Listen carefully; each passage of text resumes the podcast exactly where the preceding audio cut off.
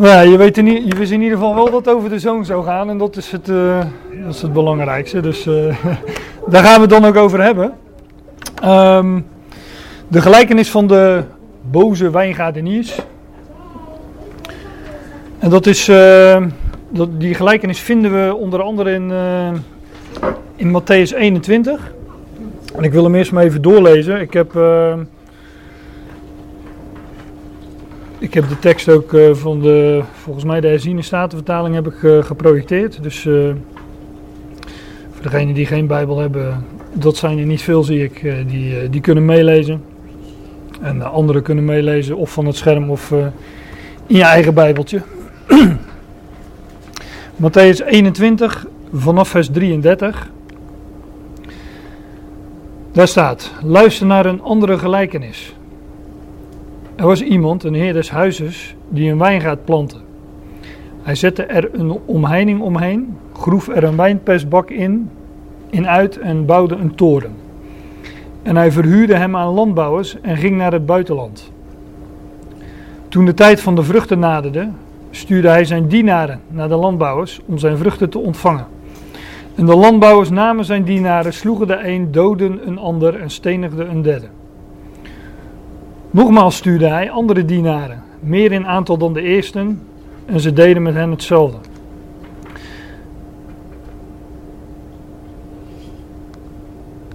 Ik heb hier een vers overgeslagen, zie ik. Die, ehm, die lees ik even uit de Statenvertaling. Ten laatste zond hij naar hen zijn zoon, zeggende: Zij zullen mijn zoon ontzien. Maar toen de landbouwers de zoon zagen, zeiden zij onder elkaar: Dit is de erfgenaam. Kom, laten we hem doden en zijn erfenis voor onszelf houden. Toen ze hem gegrepen hadden, wierpen zij hem buiten de wijngaard en doodden hem. Wanneer dan de heer van de wijngaard komen zal, wat zal hij met die landbouwers doen? Zij zeiden tegen hem, hij zal die kwaaddoeners een kwade dood doen sterven en zal de wijngaard aan andere landbouwers verhuren die hem de vruchten op hun tijd zullen geven. En Jezus zei tegen hen, hebt u nooit gelezen in de schriften? De steen die de bouwers verworpen hadden, is, die is tot een hoeksteen geworden. Dit is door de Heere geschied en het is wonderlijk in onze ogen. Daarom zeg ik u dat het koninkrijk van God van u weggenomen zal worden en aan een volk gegeven dat de, vrucht, dat de vrucht ervan voortbrengt.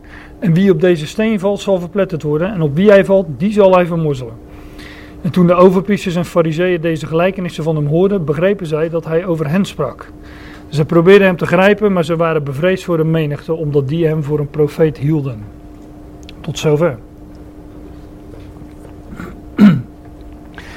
Ja, dit is de gelijkenis van de boze wijngaardeniers. Tenminste, dat is het, eh, het kopje wat er in de Statenvertaling boven staat. Andere vertalingen staan er weer iets andere kopjes boven. Boze landlieden of iets dergelijks. Slechte landlieden.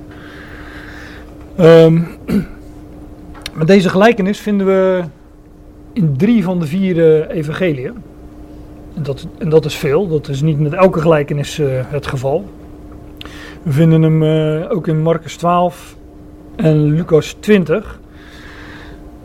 Maar ja, dat is niet voor niks dat we, hem, eh, dat we die gelijkenis drie keer vinden.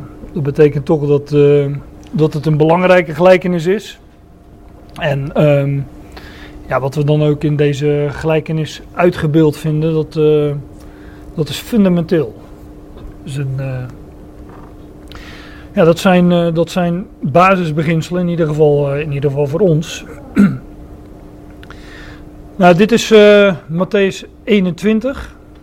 We vinden gelijkenissen vanaf, ehm, ja, vanaf Matthäus 13. Daar ging de Heer, Heer Jezus, voor het eerst in gelijkenissen spreken. Ik zeg niet dat dat de eerste keer is dat gelijkenissen in de Bijbel voorkomen, want we komen ze in het, in het Oude, Oude Testament ook tegen. Nu eh, heb ik hier wel eens een keer over die gelijkenissen van Matthäus 13 gesproken eh, op Urk. Maar dat is al eh, volgens mij echt al een aantal jaren geleden. Ik heb ook geen flauw idee meer wie daar wel en niet aanwezig bij waren. maar toen hebben we eens een hele dag nagedacht over de acht gelijkenissen uit Matthäus 13. en in Matthäus 13, ja, daar wordt voor het eerst in gelijkenissen gesproken. Maar da daar wordt ook uitgelegd door de Heer zelf waarom hij in gelijkenissen sprak. En wat, ja, wat gelijkenissen inhouden. Gelijkenissen, de, um, in, in Matthäus 13 komen de uh, discipelen naar de Heer Jezus toe als hij uh, de gelijkenis van de zaaier heeft uitgesproken. En dan vragen de discipelen aan hem, waarom spreekt u tot hen in gelijkenissen? Ze waren dat dus blijkbaar niet gewend. In tegenstelling tot, uh, tot heel veel uitleg wat je bij ons in de boeken leest. Namelijk dat dat een gewoonte zou zijn geweest in het Midden-Oosten in die dagen. Om uh, dingen te vertellen door middel van verhaal of door gelijkenissen. Maar die discipelen die, ja, die roepen de Heer een soort van uh, ter verantwoording van waarom spreekt u tot hen in gelijkenissen? Want zij, dat was voor, voor hem nieuw. En um, het feit ook dat ze niet begrepen waarom de Heer het deed. Ze, begrepen, ja, ze begrepen de, de strekking ervan niet. En dat betekent ook dat een gelijkenis dus niet bedoeld is om dingen uit te leggen, om dingen te verduidelijken. Dus wel, dat is wel wat er vaak over gezegd wordt, hè, dat gelijkenissen uh, verhalen zijn om uh, dingen wat duidelijker te maken. Nou, het antwoord van de Heer Jezus is uh, in Matthäus 13. Hij zegt tegen de discipelen die aan hem vragen: waarom spreekt u tot hen, dus tot de scharen, tot het volk in gelijkenissen? En dan zegt de Heer tegen ze: omdat het jullie gegeven is de verborgenheden van het koninkrijk te kennen, maar aan hen, aan de scharen, is dat niet gegeven. Dus de Heer vertelde een verhaal, de scharen hoorden dat en die hoorden alleen een verhaal. Maar aan de discipelen legde hij uit waar de gelijkenissen van spraken. Dat vind je een aantal keren in Matthäus 13. Nou, nu worden niet alle gelijkenissen in de Bijbel uitgelegd. Maar in, uh, ja, in, in, in Matthäus 13 zegt Heer Jezus dus tegen zijn discipelen: Ik spreek in gelijkenissen. En dan zeg ik het even geparafraseerd. Om het voor de schade te verbergen. En omdat het jullie wel gegeven is die verborgenheden te kennen. Daarom legde hij de gelijkenissen aan hen uit. Want de gelijkenissen spreken over de verborgenheden of de geheimenissen, dat hangt een beetje van je vertaling af, van het koninkrijk van God. Of het koninkrijk der hemelen wordt het in Matthäus 13 genoemd. Maar gelijkenissen spreken dus over de periode dat het koninkrijk verborgen zou zijn de verborgenheid, de verborgenheden, de verborgenheid van het koninkrijk van God. De, de periode dat het koninkrijk verborgen zou zijn. um, want het evangelie van Matthäus, dat vind je in alle handboeken, presenteert de Heer Jezus als de komende koning. Nou, afgelopen vrijdag was het uh, Koningsdag hier uh, in Nederland. Um, volgens mij was hij dit jaar in, uh, in Groningen de, onze koning. Maar dat wordt aangekondigd in Groningen. De koning komt, hè, de straten worden geveegd. Ik zag het s ochtends nog op het journaal dat ze druk bezig waren de straat aan het vegen. Maar van tevoren zijn er in ieder geval heel veel ja, voorbereidingen die men treft. Omdat de koning komt. Zijn weg wordt bereid vergunningen worden verleend of juist ingetrokken. Straten worden schoongemaakt. De route van de koning wordt bepaald. Er worden hekken neergezet. Er is een programma. Nou, alles wordt tot uh, in de puntjes voorbereid. En we vinden eenzelfde idee eigenlijk in het, uh, in het Matthäus-evangelie. Daar wordt gesproken over de komende koning. Johannes de Doper is de wegbereider van de Heer Jezus. En in de eerste hoofdstukken van ja, van Matthäus is, is het Johannes de Doper die predikt. De koning komt, het koninkrijk, het koninkrijk der hemelen is nabijgekomen, want de koning komt eraan. Het was ook al voorzegd dat het zou gebeuren, dat, uh, dat, dat er een wegbereider zou komen, onder andere door Jezaja. En Johannes de Doper predikte dat. Bekeert u, bezint u, want het koninkrijk der hemelen is nabijgekomen. En dat was ook uh, de boodschap van de Heer Jezus zelf toen hij zijn openbare optreden begon. Het koninkrijk is nabijgekomen. Nou wij weten allemaal, maar dat is natuurlijk met kennis achteraf, dat het koninkrijk, waar de koning wel, weliswaar van was gekomen, maar hij is, hij is niet gaan zitten op de troon zoals de profeten dat hadden voorzegd. De komende koning, de Messias, Heer Jezus Christus, regeert niet op de troon in Jeruzalem, want hij werd verworpen. Hij werd afgewezen door het volk waarvoor hij kwam, het volk Israël. Ze hebben hem uh, afgewezen, ze hebben hem verworpen en uiteindelijk gedood. En daardoor werd het koninkrijk geen geopenbaard koninkrijk, met een koning op de troon in Jeruzalem, maar een verborgen koninkrijk. De koning van het koninkrijk verborg zich in de hemel. En daar is ook een troon, de genadetroon, troon der genade, waar de Hebreeënbrief van spreekt. Maar het is, een, uh, het, is verborgen. En wij als uh, leden van zijn lichaam, maar ook onderdanen van zijn koninkrijk. Hè, want uh, wij, wij zijn overgezet, zegt Colossense 1 vers 13, uit de macht van de duisternis in het koninkrijk van de zoon van zijn liefde. Alleen die zoon van zijn liefde is verborgen in de hemel.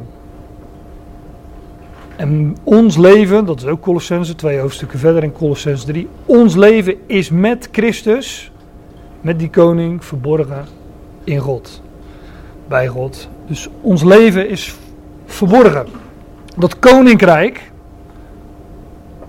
der hemelen, of het koninkrijk Gods, of uh, kort, heel kort het koninkrijk.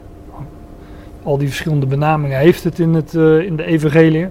Dat koninkrijk werd verborgen. Het kwam wel tot stand, want ook Paulus spreekt in zijn brieven van dat koninkrijk. Het koninkrijk van de zoon van zijn liefde. Het kwam tot stand, maar het werd niet openbaar, maar het werd verborgen. Over dat verborgen koninkrijk, of moet ik zeggen over de periode dat het koninkrijk verborgen is, daarover spreken de gelijkenissen de verborgenheid van het koninkrijk van God, of de verborgenheden, of de geheimenissen van het koninkrijk van God. Maar die, het feit dat het koninkrijk verborgen zou worden, dat vinden we niet eens vanaf Matthäus of vanaf de andere evangeliën. Dat vinden we al lang voorzegd, zelfs in het Oude Testament, in de boeken van Mozes. Bijvoorbeeld in Deuteronomium 32, eh, daar staat dit. Daar staat hij zei, en hij is natuurlijk uh, God, jawel. Hij zei, ik zal mijn aangezicht van hem verbergen. En zien wat hun einde wezen zal want zij zijn een verkeerd geslacht, zonen in wie geen trouw is. God zegt: Ik zal mijn aangezicht verbergen. Wie is dat, het aangezicht van God? Ja, dat is Christus. Hij is het beeld van God. Hè. Als God zich bekend maakt, als God zich openbaart, dan doet hij dat in zijn beeld, Christus. Maar, en hij is dus ook het aangezicht van God. Als wij, God is de onzienlijke, maar wanneer God zich laat zien, doet hij dat in zijn zoon, zijn aangezicht. Ik zal mijn aangezicht voor hem verbergen. Hier ligt al in besloten dat, ja, dat de Heer Jezus Christus um, verborgen zou worden of zich zou verbergen. Ik zal, ik zal mijn aangezicht voor hen, dat is natuurlijk Israël, voor hen verbergen en zien wat hun einde wezen zal. Want zij zijn een verkeerd verkeerd geslacht. Keren heeft natuurlijk met draaien te maken. En elders vinden we in de schrift dat, ze, dat het Joodse volk een krom en verdraaid geslacht wordt genoemd. Nou, hier wordt het een verkeerd geslacht genoemd. Zonen in wie geen trouw is. De heer Jezus zelf sprak sprak er ook van dat het uh, koninkrijk verborgen zou, uh, zou worden en zou zijn. Dat er een periode zou zijn van verborgenheid. Bijvoorbeeld in, uh, in Johannes 18, dat is uh, wanneer de Heer gevangen wordt, is genomen, vlak voor zijn, uh, vlak voor zijn kruisiging. Gaat het hier over, over Pilatus. Staat er in Johannes 18, vers 33. Pilatus dan ging het gerechtsgebouw erin, riep Jezus en zei tegen hem: Bent u de koning van de Joden? Dan sla ik een paar versen over en ga verder in vers 36. Waar staat: Jezus antwoordde: Mijn koninkrijk is niet van deze wereld. Als mijn koninkrijk van deze wereld was, zouden mijn dienaars gestreden hebben, opdat ik niet aan de Joden overgeleverd zou worden. Maar nu, maar nu is mijn koninkrijk niet van hier. Kijk, vanaf dat de Heer in gelijkenissen ging spreken, daar was ook een aanleiding voor. Um, massaal, massieve tegenstand waar hij op stuitte. Lees het maar na in Matthäus 12. Op dat moment begon hij in uh, gelijkenissen te spreken. Op dat moment was ook ja, eigenlijk al bekend dat het koninkrijk een verborgen koninkrijk zou worden. En um, vanaf dat moment is de prediking ook niet meer bekeert u want het koninkrijk der hemel is nabijgekomen. Of bekeert u want het koninkrijk van God is nabijgekomen. Nee, vanaf dat moment is de, ja, dus gaat, de, gaat de Heer in gelijkenissen spreken, in verborgenheden. En hier zegt hij gewoon ronduit tegen Pilatus: Mijn koninkrijk is niet van deze wereld. Want als mijn koninkrijk van deze wereld was, zouden mijn dienaars gestreden hebben. Opdat ik niet aan de Joden overgeleverd zou worden. Maar nu, nu is mijn koninkrijk niet van hier. Dat zal wel gaan gebeuren in de toekomst. Dat koninkrijk zal geopenbaard worden bij de openbaring van Jezus Christus. Eh, we hebben een heel boek dat zo heet en dat beschrijft hoe dat, uh, ja, hoe, hoe dat zal gaan gebeuren en ook de aanloop er naartoe. dan zal hij inderdaad zitten op die troon in Jeruzalem. Maar nu zegt hij tegen Pilatus: Is mijn koninkrijk niet van hier? En is mijn koninkrijk niet van deze wereld, want het zou verborgen worden in de hemel. Lucas 17, ook een uh, schriftplaats waar, uh, waar toespelingen worden gemaakt op het feit dat het koninkrijk verborgen zou worden. En toen hem, Heer Jezus, toen hem door de fariseeën gevraagd werd wanneer het koninkrijk van God zou komen, antwoordde hij hun en zei, het koninkrijk van God komt niet op waarneembare wijze. En men zal niet zeggen, zie hier of zie daar, want zie, het koninkrijk van God is binnenin u. Statenvertaling heeft hier, uh, het koninkrijk van God komt niet met, met uh, uiterlijk gelaat. Het zou niet, de komst van dat koninkrijk zou niet zichtbaar zijn. Dat zou in eerste, in, laat het zo zeggen, het zou in eerste instantie niet zichtbaar zijn. De Joden verwachten een Messias die een koninkrijk zou vestigen. En nogmaals, vanaf de troon in Jeruzalem zou de Messias dat koninkrijk gaan regeren. Maar dat koninkrijk werd verborgen en het kwam niet met uiterlijk gelaat. Het kwam wel, maar niet met uiterlijk gelaat. Het kwam wel, maar het werd verborgen. Het kwam niet op waarneembare wijze, zoals dat hier staat, maar het werd verborgen in de hemel. En men, zal niet zeggen, zie hier of zie daar, want zie, het koninkrijk van God is binnenin u, binnenin jullie.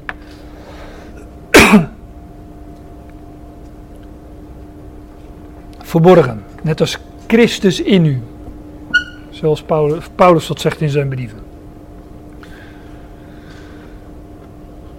Bijvoorbeeld in, uh, dat is Colossense 1, ik meen vers 27, 27, daar zegt Paulus, daar spreekt hij over het geheimenis, de verborgenheid. Christus in jullie. De vertalingen hebben meestal zoiets als um, onder jullie. Maar dat, uh, is hetzelfde woord, in. En de vertalers hebben met elkaar afgesproken, als dat gevolgd wordt door een meervoud, dan zeggen we jullie. Wordt het gevolgd door een enkelvoud, dan zeggen we in. Maar Christus in jullie, voor mij part onder jullie, maar onder jullie natieën. Christus in, te midden van de natieën. Nou, dat is de verborgenheid uh, die Paulus bekend mocht maken. Maar over die verborgen periode, dat het koninkrijk van God niet met uiterlijk gelaat komt, niet op waarneembare wijze komt, maar verborgen is. De verborgen periode, daar spreken die gelijkenissen over. En dat is best een lange periode, want dat is uh, nou ja, vanaf de, de ja, ik, de, ik zou zeggen vanaf de opstanding van Christus sowieso. Maar uh, ik, ik, als ik het moet zeggen, zeg ik nou vanaf Matthäus 13. Want vanaf toen werd duidelijk dat het koninkrijk verborgen zou worden. En het wordt pas openbaar. Um, ja, als de duizend jaren aanvangen, om het zo te zeggen. Dat lees je ook in openbaring. Ik weet het hoofdstuk uh, niet uit het hoofd. Maar daar staat dat de verborgenheid Gods, de verborgenheid van God, op dat moment vervuld is. Dan is die verborgen periode vervuld, gecompleteerd en ten einde. En dan is het koninkrijk geopenbaard en gevestigd over deze wereld. En dan vangen die duizend jaar aan. nou, um,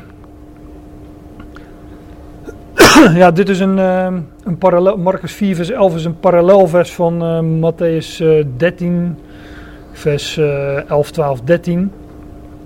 Hier staat. Hier, hier, hier is ook de aanleiding dat de discipelen vragen. Waarom spreekt u tot hen door gelijkenissen? En dan, zeggen ze, dan zegt hij, en hij zei tegen hen: Het is u gegeven, het geheimenis, de verborgenheid van het koninkrijk van God te kennen. Maar tot degenen die buiten zijn, die buiten dat koninkrijk zijn, komt alles door gelijkenis.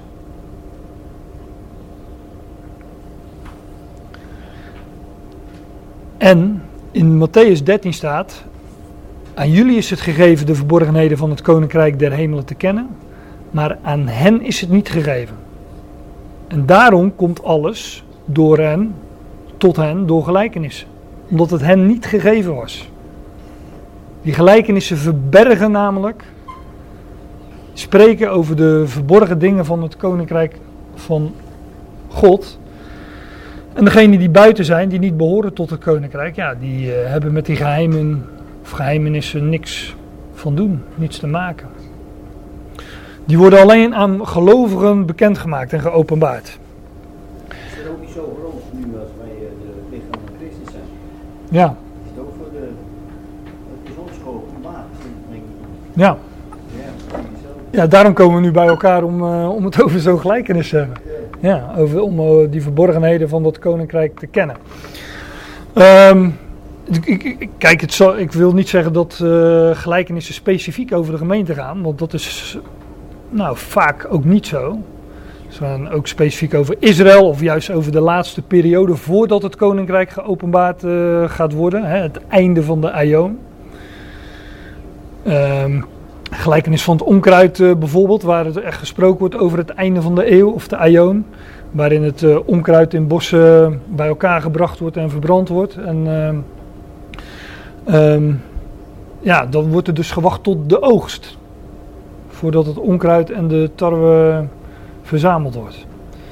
Dus heel veel gelijkenissen spelen zich ook af in het einde van, van die periode. Echt helemaal aan het einde van de Aion. Maar we vinden ook wel degelijk ja, verwijzingen naar, uh, naar het lichaam van Christus in die, uh, in die gelijkenissen. nou, ik, uh, deze gelijkenis gaan we gewoon even vers voor vers doornemen. De gelijkenis van de boze wijngaardeniers, om het daar dan maar bij te houden. Ik heb wat plaatjes bijgedaan voor de beelddenkers. en we nemen gewoon rustig die, die versen door. En het is ook geen hele moeilijke gelijkenis, dit maar uh, ja, wel heel fundamenteel. Omdat daar uh, echt basis, basisbeginselen in worden naar voren gebracht. Luister naar een andere gelijkenis. Er was iemand, een heer des huizes, die een wijngaard plantte. Ja, letterlijk staat er zoiets als een, uh, een huiseigenaar. Een heer van het, van het huis. Nou ja, dan moet, moeten we al snel denken aan het, aan het huis Israëls. Hè. En daar, de heer daarvan was de Heer, hè, Jabé. De heer van het huis van Israël. Die plantte een, uh, een wijngaard. Nu zijn er nogal wat gelijkenissen waarin een wijngaard voorkomt. Je vindt bijvoorbeeld ook veel gelijkenissen waar, uh, waar het hoofdthema een, uh, een bruiloft is. Um, er zijn ook gelijkenissen die gaan over zonen. uh, twee zonen. Overigens de gelijkenis hiervoor, voor um, in, in, Matthäus 21 vers 28 tot 32. Die gaat ook over, over, en over twee zonen en over een, over een wijngaard. De heer sprak een aantal gelijkenissen hieruit. Maar een wijngaard in de schrift is een beeld van Israël. Dat is niet moeilijk, want dat wordt letterlijk zo gezegd in Jezaja 5. Um, in Jezaja 5 vers 7. Ik heb, uh, ik heb even het hele gedeelte afgedrukt. In vers 7 staat pas dat de wijngaard een uh, Israël voorstelt. Maar ik lees even het hele gedeelte, want als je het leest kan je niet aan de indruk onttrekken dat de Heer Jezus toen hij die gelijkenis van die boze wijngaarden niet eens uitsprak, dat hij ook aan Jezaja 5 gedacht moet hebben. Ik bedoel, hij kende dat gedeelte, hij kende de, de, de tenag, hij kende de schriften. En het lijkt, ja, sommige delen die uh, lijkt hij daar wel letterlijk uit uh, aan ontleend te hebben. Jezaja 5 lees ik gewoon vanaf vers 1. Daar staat, ik wil graag voor mijn beminde zingen. Een lied van mijn geliefde over zijn wijngaard. Mijn beminde had een wijngaard op een vruchtbare heuvel. Hij spitte hem om, zuiverde hem van stenen. Hij beplantte hem met edele wijnstokken. In het midden ervan bouwde hij een toren. En hakte ook een perskuip daarin uit. Allemaal dingen die we ook in uh, Matthäus 21 tegenkwamen. Hij verwachtte dat hij goede druiven zou voortbrengen, maar hij bracht stinkende druiven voort. Nu dan, inwoners van Jeruzalem en mannen van Juda, oordeel toch tussen mij en mijn wijngaard. Wat is er nog meer te doen aan mijn wijngaard dan wat ik eraan gedaan heb? Waarom heb ik verwacht dat hij goede druiven zou voortbrengen, terwijl hij slechts stinkende druiven voortbracht? Nu dan, ik wil u graag bekendmaken wat ik met mijn wijngaard ga doen. Ik zal zijn omheining wegnemen, zodat hij verwoest zal worden. Ik zal een bres slaan in zijn muur, zodat hij vertrapt zal worden. Ik zal er een wildernis van maken. Hij zal niet gesnoeid worden of geschoffeld, maar dorens en distels zullen er opschieten. En ik zal de wolkengebieden geen regen erop te laten neerkomen. Want de wijngaard van de heren van de legermachten is het huis van Israël. En de mannen van Juda zijn zijn lievelingsplant. Hij verwachtte goed bestuur, maar ziet het werd bloedbestuur of bloedvergieten. Gerechtigheid, maar zie het werd geschreeuw. Maar dat eerste deel van vers 7, hè, de wijngaard van de, de heren der Ischaren, staat er geloof ik in de Statenvertaling. Hier staat de heren van de legermachten. Die wijngaard is het huis van Israël. Nou, en hier zie je hoe, uh, hoe God zegt, ik heb die wijngaard toebereid. Een toren erin gebouwd, een wijnpersbak. En, um, maar dat die wijngaard stinkende druiven heeft voortgebracht. Beeld van het volk Israël, dat komt er zo nog wel op terug. Dat zich niet aan de taak gehouden heeft waar God het toe gesteld had. En ja, hier zien we ook beschreven dat uh, wat God met die wijngaard zou doen, de omheining wegnemen, zodat het verwoest zal worden. Een bres slaan in de muur, zodat hij vertrapt zal worden. Het is gewoon een beschrijving van wat de Joodse staat is overkomen. Een wildernis van maken. Het zal niet gesnoeid worden of geschoffeld. Dorens en distels zullen opschieten. Er zou geen regen vallen. Nou, enzovoorts. Het is gewoon een beschrijving van, uh, van de staat, van, nou, van de Joodse staat, van uh, het land Judea. Kijk, wij kennen sinds, een, uh, sinds 70 jaar weer een, een, staat Israël daar. Maar dat land heeft eeuwenlang daar woest gelegen. En nou ja, die staat van Israël, hier gaat het om ik zal zijn omheining wegnemen. Als we denken aan omheining als landsgrenzen, dan heeft Israël nog bij lange na niet de grenzen die, uh, die het beloofde land, wat God beloofd had aan het volk, uh, ja, dat heeft het nu niet. Het zal in de toekomst uh, pas gaan gebeuren. Maar hier wordt, ja, hier wordt beschreven hoe, hoe die staat Israël. Later zegt de Heer Jezus in Matthäus, uw huis, het huis Israëls, uw huis worden u woest gelaten.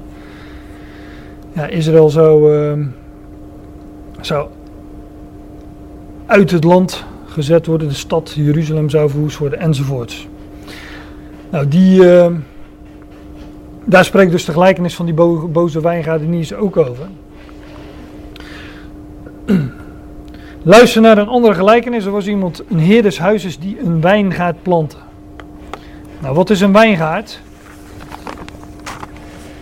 Um, in een wijngaard groeit geen wijn. En toch heet het een wijngaard. Een wijngaard is een. Een wijngaard is een belofte van wijn. Er worden druiven verbouwd en uh,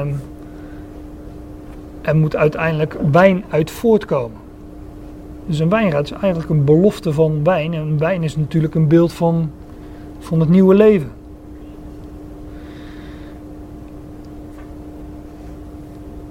Nou, het, het, het proces, overigens het proces van wijn maken. Hier op het plaatje zie je zo'n uh, zo'n wijnpersbak getekend.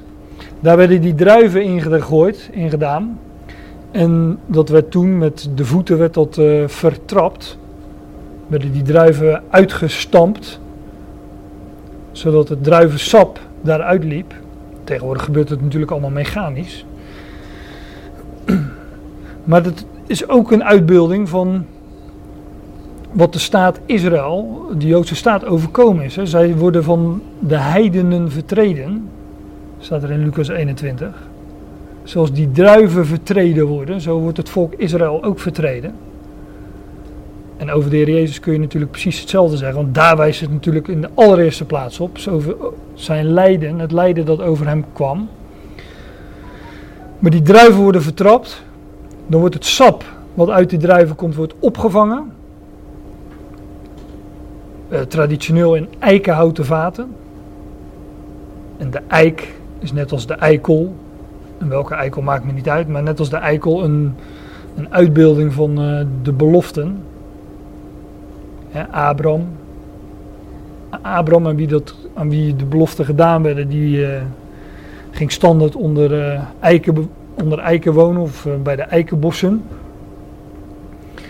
Maar dat, we, dat druivensap werd opgevangen in eikenhouten vaten en dan verdween het onder de grond, in de kelder.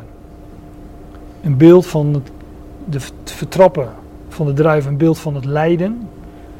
En de eikenhouten vaten, een beeld van de belofte, maar het kwam onder de grond terecht, als uitbeelding van de dood. En als het na verloop van tijd onder de grond vandaan kwam, ja, dan was het uh, geestrijk vocht. Dan, dan had door gisting was daar wijn ontstaan. En dat is natuurlijk een uitbeelding van het nieuwe leven en van het nieuwe leven dat de Heer Jezus Christus tot stand bracht door zijn lijden, sterven en zijn opstanding. Nou, dat principe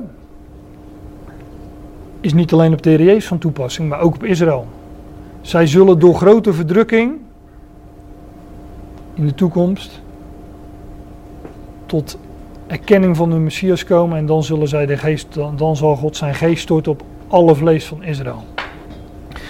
Nou, en ook voor de gemeente geldt natuurlijk iets soortgelijks. Dat, uh, van lijden tot heerlijkheid, zeggen wij wel. Ja, dat, daar spreekt die wijngaard dus ook allemaal van.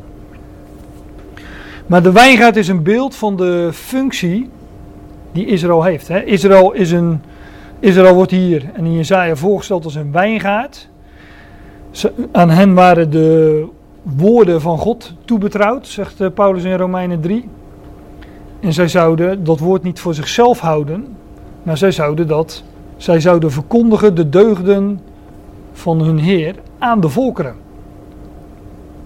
Maar deze wijngaard bracht geen wijn voort, maar stinkende druiven, zoals Jesaja 5 zegt. En zij hebben, zij, ja, zij hebben die, uh, die priesterlijke taak, om dat zo te noemen, hebben zij, uh, hebben zij niet uitgevoerd. Ik kom daar zo nog wel even op terug. Um, dan staat er en hij verhuurde hem. Oh nee, er staat ook nog, hij bouwde een toren. Die hoort er natuurlijk ook bij in de wijngaard. Want een toren is een uitbeelding van uitzicht. Israël had dat uitzicht, want ja, zoals ik net al zei, aan hen waren Gods woorden toebetrouwd. Zij waren een uitverkoren volk, een koninklijk priesterdom.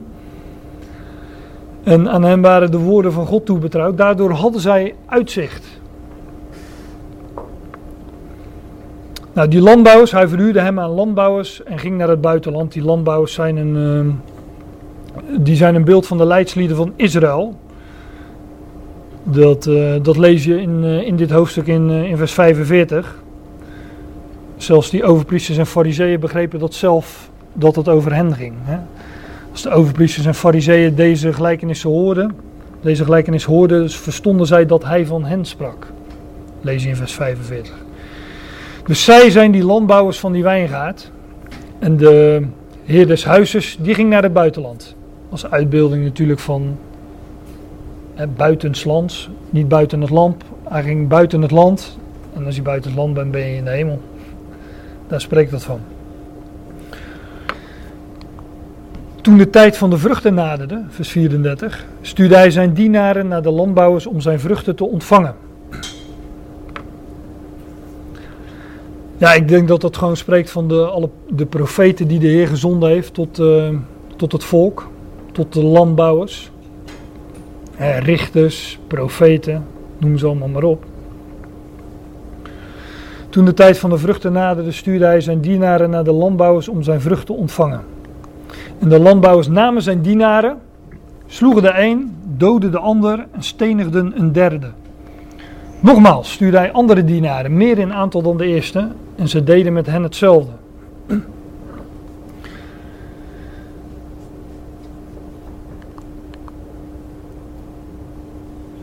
Stefanus zegt in Handelingen 7: Wie van de profeten, dat is een retorische vraag, aan de leidslieden van het volk, aan de. Nou ja, misschien waren dat wel dezelfde als waar de Heer Jezus mee, eh, mee stond te praten. Wie van de profeten hebben uw vaders niet vervolgd? Zegt hij aan het einde van zijn toespraak. Is een retorische vraag. Ze hebben alle profeten vervolgd.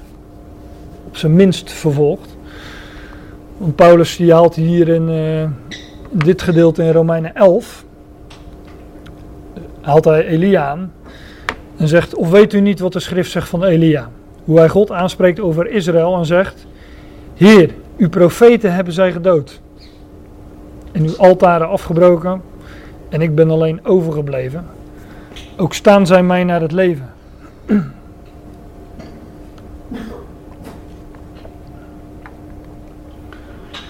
Dus dat, uh, dat vinden we nogal eens uh, in de schrift, dat profeten vervolgd werden. Die moesten, Elia, neem Elia even als voorbeeld, nou, die, moest, uh, die moest ook vluchten en die is zijn hele leven op, op de vlucht geweest. Heer, uw profeten hebben zij gedood nou in, in de gelijkenis in Matthäus 21 sloegen de een, doden de ander, stenigden de derde. En andere dienaren meer in aantal dan eerste en ze deden met hen hetzelfde. Ja, hoezo drie? Dat vind je ook uh, keer wel bevestigd in de, in de andere evangelie. staat ook dat het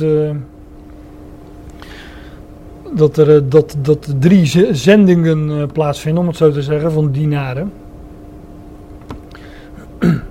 Ik heb er zelf al over na zitten denken waarom, uh, waarom, waarom precies die drie, waarom, niet, uh, waarom geen andere getal. Nu kan het wat, wat mij betreft een aantal betekenissen hebben. We zien in, de, in het Oude Testament, um, nee, ja, in de Oud-testamentische periode om het zo te zeggen, zien we drie periodes waarin de Heer Jezus, waarin God ja, wonderen deed. Drie hele, het gebeurde ook wel buiten die periode om, maar er zijn drie hele specifieke periodes te noemen in de Bijbel waarin die wonderen werden gedaan. En dat is bij uh, Mozes, in Jozua, die periode. Bij Elia en Elisa, die noemde ik net al. En bij de Heer Jezus en de discipelen dat zijn echt periodes geweest waarin heel veel wonderen plaatsvonden. Maar daarbuiten gebeurde dat ook wel. Maar die drie periodes zijn wel heel specifiek aan te duiden als, uh, ja, als periodes waarin uh, Mozes, Jozua, Elia en Elisa en Jezus en de discipelen hun goddelijke beve zending bevestigden. door wonderen te doen. Zelf denk ik uh, toch wat meer wat algemener. En dat is dat de Tenach, zeg maar het Oude Testament van de, van de Joden, dat het opgebouwd is uit drie delen. De Torah, de Nebim en de Ketubim. Pak me niet op mijn uitspraak. Maar dat zijn de, de drie delen waaruit uh, de, tenach, de het Oude Testament, is, uh, is opgebouwd. Vandaar ook uh, elke de eerste letter vormt dan de eerste letter, die, die drie eerste letters achter elkaar, dat volgt, dat, um, dat maakt dan het woord Tenach. De Torah, Nebim en de Ketubim. Oftewel de wet, de profeten en de geschriften. Echt drie delen waaruit die, uh, dat Oude Testament, de Tenach, is opgebouwd. En in, die delen, in die delen vinden we natuurlijk ook beschreven dat, uh, dat God zijn, uh, zijn dienaren zond. En dat die dienaren werden geslagen, gedood, gestenigd, hoe dan ook. Vervolgd in ieder geval. Ja, en dan je, tenslotte stuurde hij zijn zoon naar hen toe. En zei, voor mijn zoon zullen zij ontzag hebben.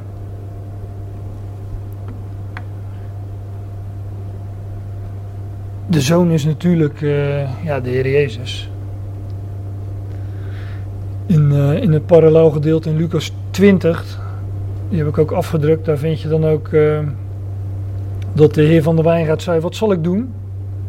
ik zal mijn geliefde zoon zenden.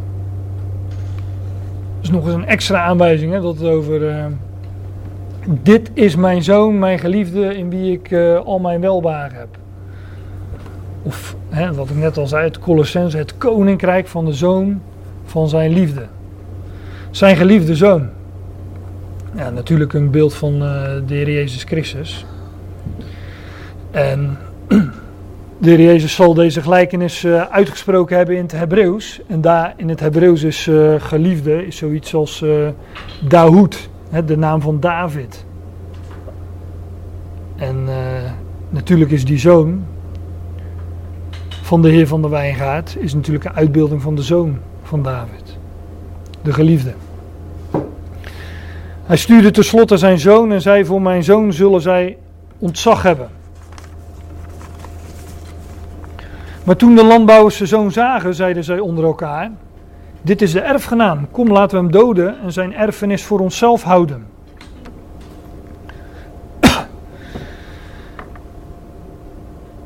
Ja, dat, dat werd natuurlijk ook. Uh, de heer Jezus werd natuurlijk ook, ook gedood. Nu loop ik natuurlijk wat op de zaken vooruit.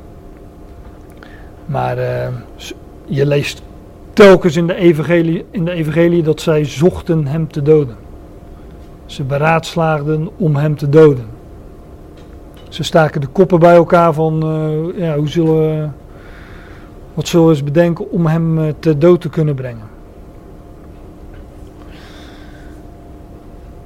De, gedag, de gedachte van die landbouwers, dat is, dat, ook dat lees je om om de geschiedschrijving rond de kruising, uh, rond de gevangenneming van de Heer Jezus, lees je dat ook.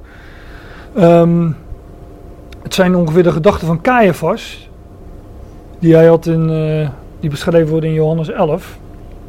Daar staat dit. De overste dan van de priesters en de fariseeën, de landlieden dus uit de gelijkenis, verzamelden het Sanhedrin en zij zeiden, wat doen wij?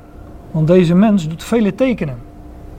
Als wij hem zo zullen laten, zullen alle in hem geloven. En de Romeinen zullen komen en zij zullen van ons de plaats en de natie wegnemen. Maar één van hen, Caiaphas, die de hoge priester van dat jaar was, zei tegen hen: U of jullie weten niets. En u overweegt niet dat het nuttig voor ons is dat één mens sterft voor het volk en niet heel het volk verloren gaat.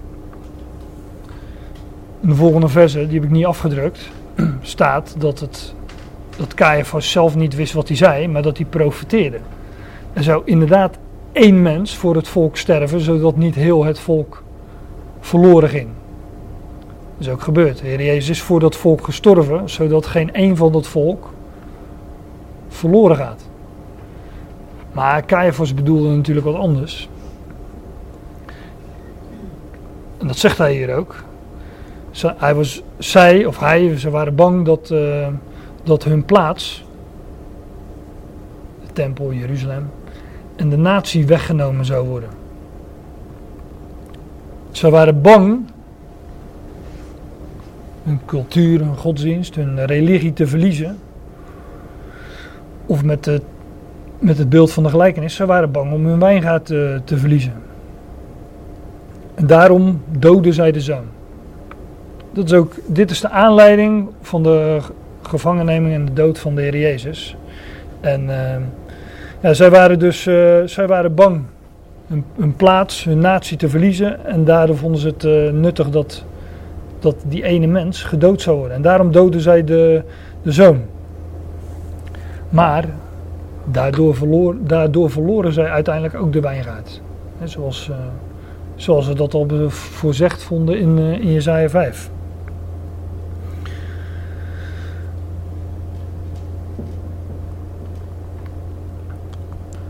Nou, ik ga verder in vers 39. Toen ze hem gegrepen hadden, wierpen ze hem buiten de wijngaard en doden hem.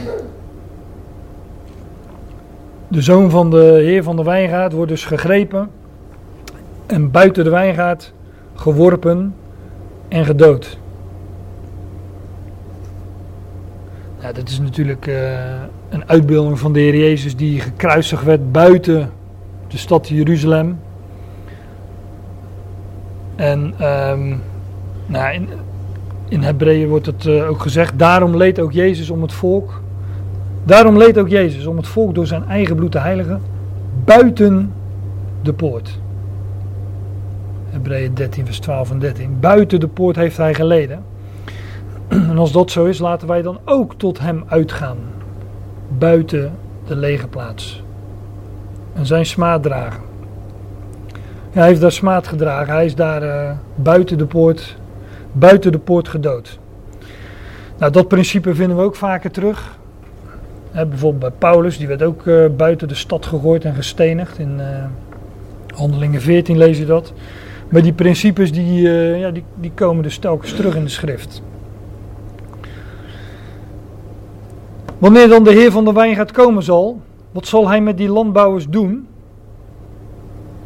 En zij zeiden tegen hem: Hij zal die kwaaddoeners een kwade dood doen sterven en zal de wijngaard aan andere landbouwers verhuren, die hem de vruchten op hun tijd zullen geven. Letterlijk staat hier, ik heb dat uh, even afgedrukt. Hij zal die kwaaddoeners een uh, doen verloren gaan, of ombrengen. Maar dit, dit woord, apolesei, dat wordt gewoon. Uh, dat wordt gewoon meestal vertaald met verloren gaan. Um, ik ga even terug. U overweegt niet dat het nuttig voor ons is dat één mens sterft voor het volk en niet heel het volk verloren gaat. exact hetzelfde woord dat hier gebruikt wordt. Nou, dat wordt hier dan met een, uh, een kwade dood doen sterven. Maar hij zou die, uh, die kwaaddoeners een, uh, ja, een kwade dood doen sterven of doen verloren gaan. En hij zou de wijngaard aan andere landbouwers verhuren die hem de vruchten wel op hun tijd zouden geven.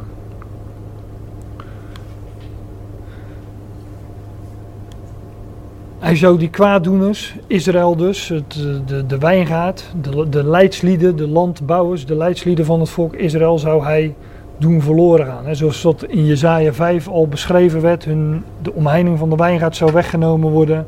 Uh, er zou geen regen meer vallen op, uh, op dat land. Uh, en dat die wijngaard zou, zou verwoest worden en woest worden gelaten. Nou, dat gebeurde met dat volk, dat Joodse volk. Het zou verloren gaan.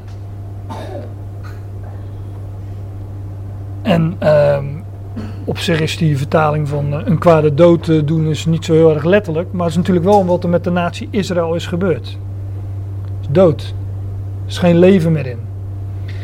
En wanneer we in de profetieën vinden over de toekomst van Israël, wanneer, dat, wanneer, de, geest, wanneer het de geest zal ontvangen, bijvoorbeeld in Ezekiel uh, 37, dat dal van die door uh, doodsbeenderen, dan wordt daar ook gezegd dat hij dat volk uit hun graven zal doen opkomen. Dus het volk wordt nu ook beschouwd als dood.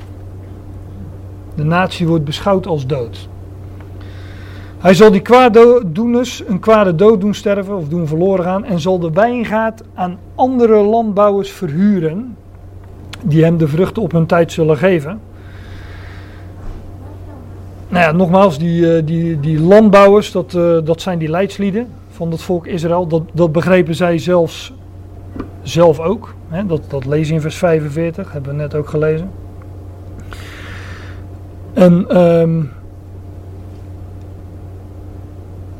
die wijngaard zou aan andere landbouwers gegeven worden die hem de vruchten op hun tijd wel zullen geven. Want dat is natuurlijk het idee. Zij hadden, zij hadden geen uh, vrucht gedragen of stinkende vruchten voortgebracht, zoals dat in Jezaja 5 stond. Maar dat de wijngaard zou naar, uh, naar andere landbouwers gaan.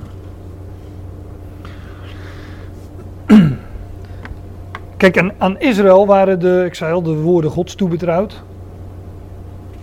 Maar Israël had een priesterlijke functie, een priesterlijke taak. Zij zouden, uh, ja, hoe moet ik dat zeggen? Wij zouden zeggen, zij zouden de andere volken, hun taak was om de andere volken te evangeliseren. Bekend te maken met die woorden Gods die aan hen waren toebetrouwd. Israël, Israël was dan ook een, uh, een koninkrijk van priesters, volgens uh, Exodus 19. Daar staat u dan, u zult voor mij een koninkrijk van priesters en een heilig, een apart gezet en gewijd volk zijn. Dit zijn de woorden die u tot de Israëlieten moet spreken, wordt hier tot Mozes gezegd. Maar zij zouden een, dat woord, hè, koninkrijk van priesters zijn. Maar zij voerden hun taak van koninkrijk van priesters, voerden zij niet uit. Dat waartoe zij bestemd waren, ja, dat uh, lieten zij na. Dus dat koninkrijk van priesters, dat koninkrijk werd van hen afgenomen. En dat koninkrijk, dat werd verborgen. Um, ik was in vers 41 en ik spring even door naar vers 43. Vers 42 bespreek ik na vers 43. Maar in vers 43 staat: Daarom zeg ik u dat het koninkrijk van God van u weggenomen zal worden. Ze waren een koninkrijk van priesters en dat, maar dat koninkrijk, dat werd van hen weggenomen. En dat zou aan een volk gegeven worden dat de vruchten ervan voortbrengt. Of het idee is natuurlijk dat de vruchten ervan wel voortbrengt. In tegenstelling tot Israël, die de vruchten ervan niet voortbracht. En wat, in, uh, wat, hier nog, wat hier nog heet dat de wijngaard aan andere landbouwers verhuurd zou worden. Daarvoor wordt hier uitgelegd: het koninkrijk van God zal van u weggenomen worden. En het zal aan een volk gegeven worden dat de vruchten ervan dus wel voortbrengt. Nou, welk volk is dat? Dat is natuurlijk ja, een volk dat eigenlijk ook geen volk is. Dat staat hier namelijk. Dus ook Paulus in Romeinen 10. Haalt hij Mozes aan. En dan zegt ten eerste is het Mozes die zegt: Ik zal u, het Joodse volk, ik zal u jaloers maken door wat geen volk is. Lo Ami. Ik zal u jaloers maken door wat geen volk is, door een onverstandig volk zal ik u tot toorn verwekken. En Paulus legt hier uh, in deze hoofdstuk in Romeinen uit dat de uh, redding naar de natie is gegaan. En nou ja, zoals uh, Simeon zegt, in zoals hier wordt aangehaald in Handelingen 15 over Simeon. Simeon ontvouwt hoe God eerst omziet om vanuit de natieën, om vanuit de natieën vanuit alle volkeren, alle naties, vanuit de heidenen, vanuit de natie een volk voor zijn naam aan te nemen. God verzamelt zich in onze tijd een volk uit de heidenen voor zijn naam. En uh, ja, eigenlijk is dat uh, volgens de. Um, hoe zeg je dat? Volgens de normale regels is, is dat geen volk. Hè? Ik zal u jaloers maken door wat geen volk is. Het is een onverstandig volk. Want aan hen waren. Uh, aan, de, aan Israël waren de woorden van God toebetrouwd. Daarom waren zij verstandig. Hè? Hadden ze ook die toren in die uh, wijngaard. Hadden ze uitzicht. Maar de natie waren ja, voor de Joden uh, een onverstandig volk. En, en, en het is geen volk. Maar God verzamelt zich uit de natie een volk voor zijn naam. En aan hen zou die wijngaard gegeven worden. Aan hen zouden, ja, zouden die beloften gegeven worden. Redding ging naar de natie. Dus als er gesproken wordt dat het koninkrijk van God van Israël zou weggenomen worden en aan een volk gegeven wordt dat de vrucht ervan wel voortbrengt, ja, dan spreekt dat over onze tijd waarin redding naar de natie is gegaan. En waarin God zich een volk verzamelt uit de heidenen voor zijn naam. Ja, nu lees ik wel vers 42 erbij. Daar staat, Jezus zei tegen hen, hebt u nooit gelezen in de schriften, de, de steen die de bouwers verworpen hadden, deze is tot een hoeksteen geworden. Dit is door de Heere geschied en het is wonderlijk in onze ogen. Ik heb dat vers eerst even overgeslagen, omdat hier nu gelijk weer een ander beeld gebruikt wordt natuurlijk. Namelijk dat geen wijngaard, maar een, uh, een bouwwerk. En de steen die de bouwers verworpen hadden, die is tot een hoeksteen geworden. Dit is door de Heere geschied en dit is wonderlijk in onze ogen. Nou, de steen, dat zal, die vinden we de, de steen vinden we de hele schrift door. De rots is altijd een uitbeelding van Christus. Um, in Daniel 2 vinden we een steen die zonder mensenhanden afgehouden wordt. En naar beneden rolt en dat hele grote beeld van Nebukadnezar, wat al die wereldrijken vertegenwoordigt. Hè, dat gouden hoofd, goud, zilver, uh, koper, ijzer, ijzeren leem. Dat wordt verpulverd door die steen en dan wordt er ook uitgelegd dat, dat uh, die steen vult daarna de hele aarde. En dan wordt er uitgelegd dat dat, uh, dat koninkrijk is wat God zal vestigen onder de ganse hemel, staat er dan. Want het vulde de hele aarde. En God zou dat, gaat dat koninkrijk vestigen door zijn zoon. Door de Heer Jezus Christus. En hij, ja, hij, uh, die steen is altijd een uitbeelding van hem. In Daniel 2 of in Jacob die uh, zijn hoofd te rusten legt op de steen.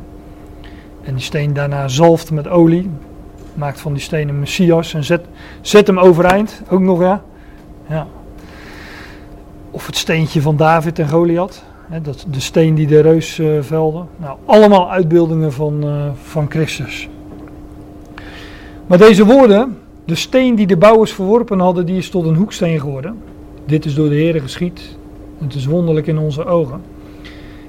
Is ook weer een aanhaling uit, uh, uit het Oude Testament. Uit Psalm 118. De steen die de bouwers verworpen hadden, is tot een hoeksteen geworden. Dit is door de Heer geschied. Het is wonderlijk in onze ogen. Nou, we vinden deze schriftplaats nogal eens aangehaald in het uh, Nieuwe Testament. Uh, Handelingen 4. Uh, Petrus haalt het aan in zijn brieven. Nou, hier in Matthäus en alle de twee parallelgedeeltes waar deze gelijkenis ook opgetekend staat.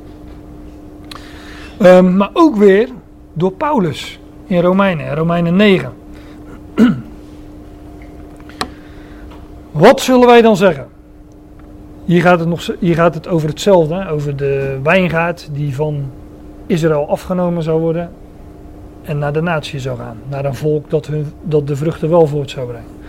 Wat zullen wij dan zeggen? Dit, dat de heidenen die geen gerechtigheid hebben nagejaagd, gerechtigheid verkregen hebben. Gerechtigheid echter, die uit geloof is. Dus die natieën, die krijgen die wijngaard. Om het in beeld te zeggen. Maar Israël, dat de wet van de gerechtigheid najaagden, is aan de wet van de gerechtigheid niet toegekomen. Die, wet, die wijngaard werd van Israël dus afgenomen. Waarom niet? Omdat zij die niet uit geloof zochten, maar als uit de werken de, van de wet. He, zij brachten stinkende druiven voort, in plaats van goede vruchten. Want ze hebben zich gestoten aan de steen des aanstoots. Ook hier wordt gesproken van die steen. Uit Psalm 118. Zoals geschreven staat, ziet, ik leg in Sion een steen des aanstoots en een struikelblok. Een valstrik, een struikelblok. Ja, je kunt je aan die steen stoten, je kunt erover vallen, over struikelen. Heeft Paulus ook allemaal over in uh, deze hoofdstukken van Romeinen. Hebben zij dan gestruikeld opdat zij vallen zouden? Ziet, ik leg in Sion een steen des aanstoots en een struikelblok. En ieder die in hem gelooft zal niet beschaamd worden. Dus die wijngaard werd van Israël weggenomen en ging naar de, naar de heidenen, naar de natie. Want zij hebben zich gestoten aan die steen des aanstoots. Nou, de Heer Jezus haalt diezelfde woorden aan aan die leidslieden van, uh, van het volk. Um, even. Daarom zeg ik u dat het koninkrijk van God van u weggenomen zal worden, aan een volk gegeven dat de vruchten ervan voortbrengt. En wie op deze steen valt, zal verpletterd worden. En op wie hij valt, die zal hij vermorzelen. Ja, hier in vers, uh, vers 44, dat is vertaald met vermorzelen. In de interlineair, ik heb het ook even nagezocht in de studiebijbel. Letterlijk staat er, op wie hij valt zal hij als kaf doen verstuiven. Het heeft met het uh, wannen van graan te maken. Daarom heb ik ook dat plaatje bij gedaan. Wannen is uh, uh, het graan in de lucht gooien zodat het, zodat het kaf wegwaait. En die op deze steen valt zal verpletterd worden, staat hier. En op wie hij valt, ja, zal hij vermorzelen. En letterlijk staat er, zal hij als kaf doen verstuiven. Het is gewoon een, een, een uitbeelding van de verstrooiing van het Joodse volk. Dat als kaf verstoven zou worden. Zij hebben zich gestoten aan die steen des aanstoots. En ze zijn daardoor als kaf verstoven naar alle winden der, alle windstreken, de, de vier winden der aarde. Alle kanten op verstuift en verstrooid. In verband met die steen, ik snap wel dat ze voor deze vertaling hebben gekozen, en zal hij vermorzelen. In verband met die steen is het eigenlijk niet een vermorzelen, maar uit elkaar spatten. Dat is een wat, ja, wat luguber beeld, maar ik zie het hier niet om jullie te ontzien, maar gewoon om te zeggen wat ik, eh, wat ik, eh, wat ik zie wat staat. Maar op wie die steen valt, die zal hij ja, vermorzelen. Maar. Uh, en als kaf doen verstuiven, ja, door uit elkaar te spatten namelijk. Ik neem jullie even mee naar uh, Handelingen 1. Daar gaat het over Judas. Van Judas wordt gezegd. En ik heb die S uh, ik heb een streep tussen Juda en de S gezet. Daar kom ik zo nog wel even op terug. Deze, dat is Judas. Dat staat in vers 16. Deze nu. Dit, dit is nadat de Heer Jezus al opgestaan is. En uh, de discipelen, de, de, discipelen zijn nu niet compleet. Om het even zo te zeggen. Er moet een twaalfde bijgezocht worden. Of... Uh, ja, er moet een twaalfde aangesteld worden om, uh, om het twaalftal weer compleet te maken. Maar hier gaat het dan over Judas, die inmiddels uh, intussen zelfmoord heeft gepleegd. En dan staat er over Judas, deze nu heeft met het loon van de ongerechtigheid een stuk grond verkregen. Met die, eh, wat was het, 30 zilverlingen heeft hij een, eh, hebben ze die, eh, wat was het ook weer, een bloedakker of een dode akker gekocht. Nou, een stuk grond in ieder geval verkregen. En nadat hij voorovergevallen was, barstte hij in het midden open en kwamen al zijn ingewanden naar buiten. Dat is natuurlijk niet iets wat je voorleest s s'avonds na de maaltijd. maar dit, dit staat er wel, maar het staat er ook niet voor niks. Dit gaat over Judas, die aan zijn einde kwam. Elders lees je dat hij zich verhangen heeft, maar blijkbaar is hij dus eh, ook voorovergevallen. En opengebarsten en uit elkaar gebarsten en gespat. Nogmaals, het klinkt wat uh, luguber, wat morbide, maar dit is nou eenmaal wat staat. En dan staat er, want er staat geschreven in het boek van de psalmen, laat zijn woonplaats woest worden en laat er niemand zijn die daarin woont. En laat een ander zijn ambt als nemen. En tuurlijk gaat dit over Judas, want hier gaan ze ook een opvolger voor Judas kiezen. Maar dit gaat net zo goed over Juda. En Juda is gewoon de Joodse uitspraak van dezelfde naam. Judas is gewoon de Griekse naam van, uh, van Juda. Juda. Judas, Juda. Natuurlijk gaat het hier over Judas. Maar Judas is een beeld van heel Juda. Judas die zijn heer uh, overleefde en verraden. Maar dat kun je van het hele Joodse volk natuurlijk zeggen. Overgeleverd aan de Romeinen en verraden en gedood. Maar Juda, die viel hier voorover en barstte uit elkaar en spatte uit elkaar. En zoals kaf verstrooid wordt, zo, spatten ze, zo zal hij uit elkaar gebarsten zijn. Maar dat, ja, dat zei ik al, dat is ook een beeld van het Joodse volk dat verstrooid werd. Als kaf door de wind. En zoals Juda, Judas hier uit elkaar uh, spatten. Want er staat geschreven in het boek van de psalmen. Laat zijn woonplaats, dat is het Joodse land. Laat zijn woonplaats woest worden. Precies wat we in Jezaja 5 ook lazen. Die wijngaard zou woest worden. Laat zijn woonplaats woest worden. Die wijngaard zou verwoest worden, vertreden. De omheining zou weggenomen worden enzovoort. En laat er niemand zijn die daarin woont. Het is eeuwenlang zo geweest dat er vrijwel niemand in woonde. Een paar Bedouinen in dat land. En nu kennen we die Joodse staat weer, maar ook, dat zal niet, uh, ook daar zal nog een einde aan komen. Maar laat zijn woonplaats, Juda, het Joodse land, woest worden en laat er niemand zijn die daarin woont. Laat een ander zijn ambt als opziener nemen. Maar dit is precies wat er met het Joodse volk ook is gebeurd. Dat ambt als opziener, hè, hen waren de woorden van God toebetrouwd. Zij waren een priesterlijk koninkrijk, of hoe stond het er? Een koninkrijk van priesters. Het is van hun afgenomen. En een ander volk kreeg dat opzienersambt. En, om het zo te zeggen. Een ander volk, dat eigenlijk geen volk is, maar dat God zich verzamelt uit de natie, uit de heidenen voor zijn naam. Een ander volk kreeg dat opzienersambt. Nou, daar spreekt ook deze gelijkenis van in, uh, in Matthäus 21. En dan lees je ook, en toen de overpriesters en fariseeën deze gelijkenissen van hem hoorden, begrepen zij dat hij over hen sprak. En dat is bijzonder, want eigenlijk zijn die gelijkenissen juist om de dingen voor de toehoorders te verbergen. dus dit, is wel, uh, dit lees je niet vaak, dat, uh, dat degene die de gelijkenis uh, hoorde het ook begrepen. Maar de Heer was hier wel heel expliciet natuurlijk en uh, heel duidelijk naar die uh, leidslieden toe. Ze probeerden hem dan ook te grijpen, maar ze waren bevreesd voor de menigten, omdat die hem voor een profeet hielden.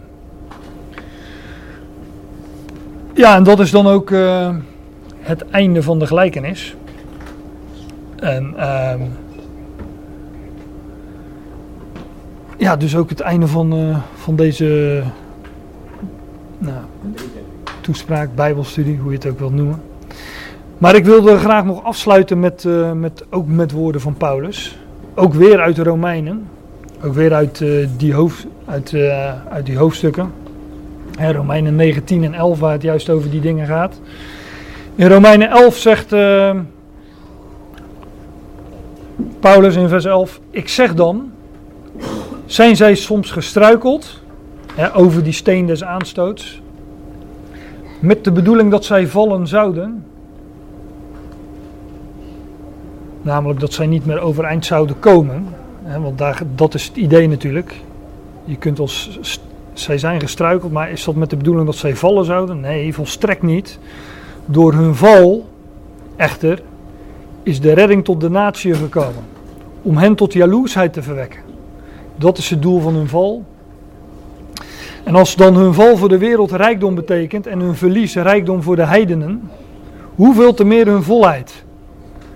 die wijngaard hebben zij verloren, die zijn ze kwijt. Maar in de toekomst ja, zullen zij weer in dat, uh, ja, in dat priesterambt, om dat zo te noemen, in die, uh, in die bediening gesteld worden.